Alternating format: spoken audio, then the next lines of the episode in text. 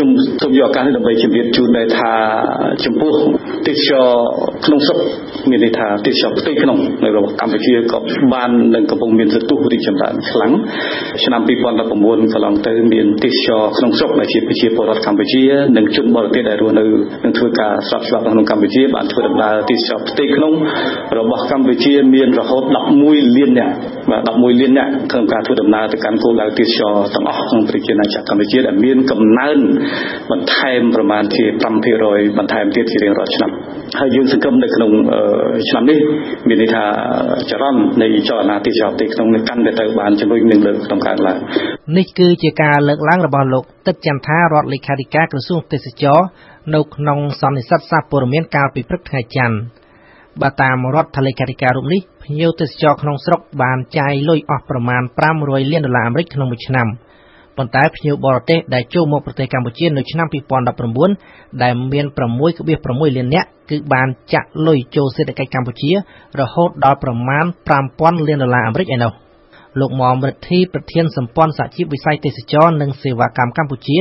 មិនរំពឹងថាភ្ញៀវទេសចរក្នុងស្រុកអាចទៅជំនួសឬទប់ទល់ទៅនឹងការធ្លាក់ចុះនៃភ្ញៀវទេសចរបរទេសបានទេ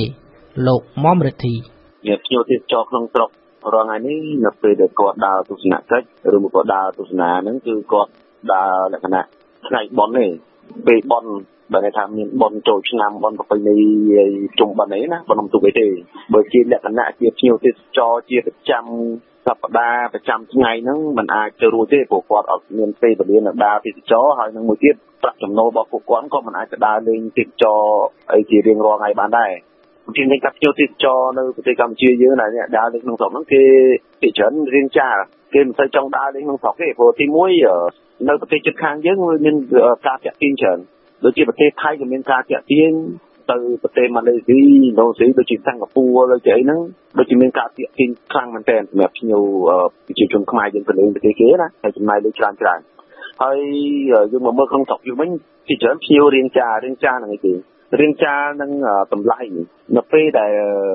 មានភ្ញៀវច្រើនហ្នឹងគឺតម្លៃលើទីផ្សារដូចជាម្ហូបអាហារការស្នាក់នៅផ្ទះសំណាក់អូតែហ្នឹងគឺចាប់តាមឡើងថ្លៃភ្លាមអញ្ចឹងហើយវាធ្វើឲ្យភ្ញៀវទេសចរនៅខ្មែរយើងហ្នឹងជារៀនចាទៅខែមួយចំនួនវាពិសេសជាងគេ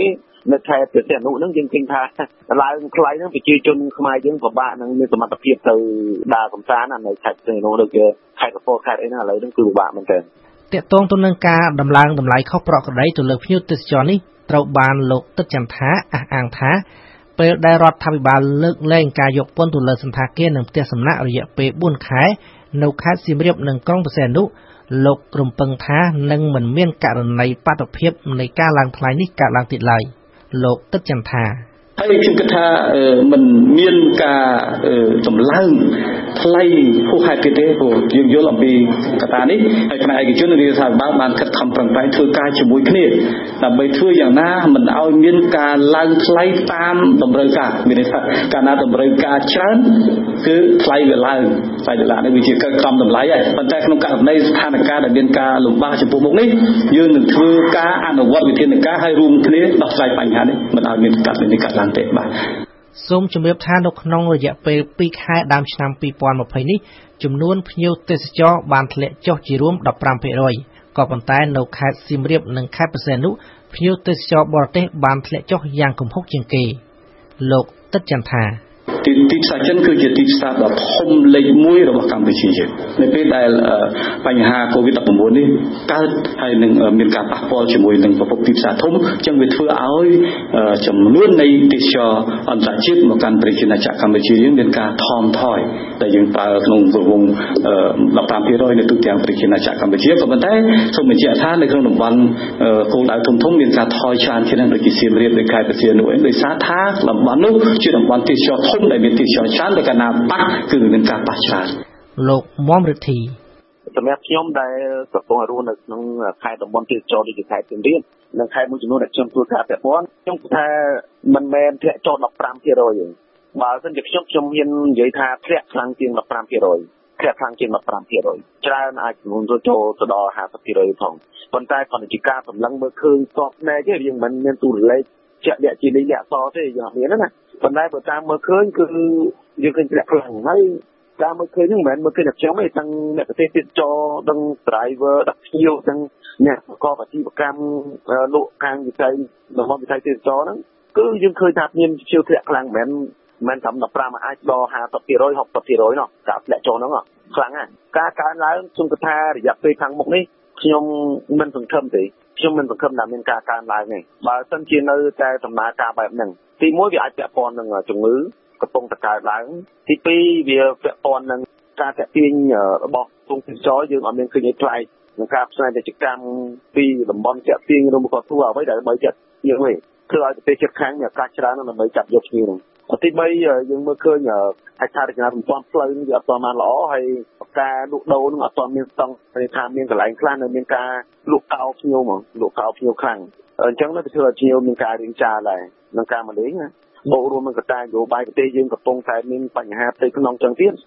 ធ្វើឲ្យជាទេសចរហ្នឹងមានការពិចារណាច្រើនចាស់កែនឹងការមកចូលនៅលេខប្រទេសយើងហ្នឹងជំនួសឲ្យការធ្លាក់ចុះភ្ញៀវបរទេសមកកាន់ប្រទេសកម្ពុជានេះ ប្រមុខរដ្ឋាភិបាលកម្ពុជាជាថ្មីម្ដងទៀតនៅព្រឹកថ្ងៃច័ន្ទម្សិលមិញបានអំពាវនាវឲ្យមានកំណើនភ្ញៀវទេសចរក្នុងស្រុកហើយអំពាវនាវឲ្យពលរដ្ឋកាត់បន្ថយការធ្វើដំណើរកម្សាន្តនៅក្រៅប្រទេសដែលក្នុងមួយឆ្នាំមួយឆ្នាំមានប្រមាណជាង1លាននាក់ចឹងទេខាងមុខនេះច្បាស់ណាស់ថាបញ្ហាប្រឈមធំជាងគេគឺវិស័យទេសចរវិស័យទេសចរចឹងចំណុចនេះខ្ញុំសូមស្នើអំពីរឿងចំពោះប្រជាពលរដ្ឋរបស់យើងខិតខំ មុននេះឆ្នាំកន្លងទៅ យើងមានទេសចរ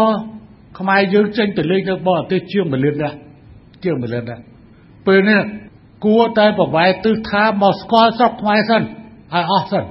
បាទទៅលេងនៅក្រៅប្រទេសព្រោះទៅលេងនៅក្រៅប្រទេសគេក៏មិនមកយើង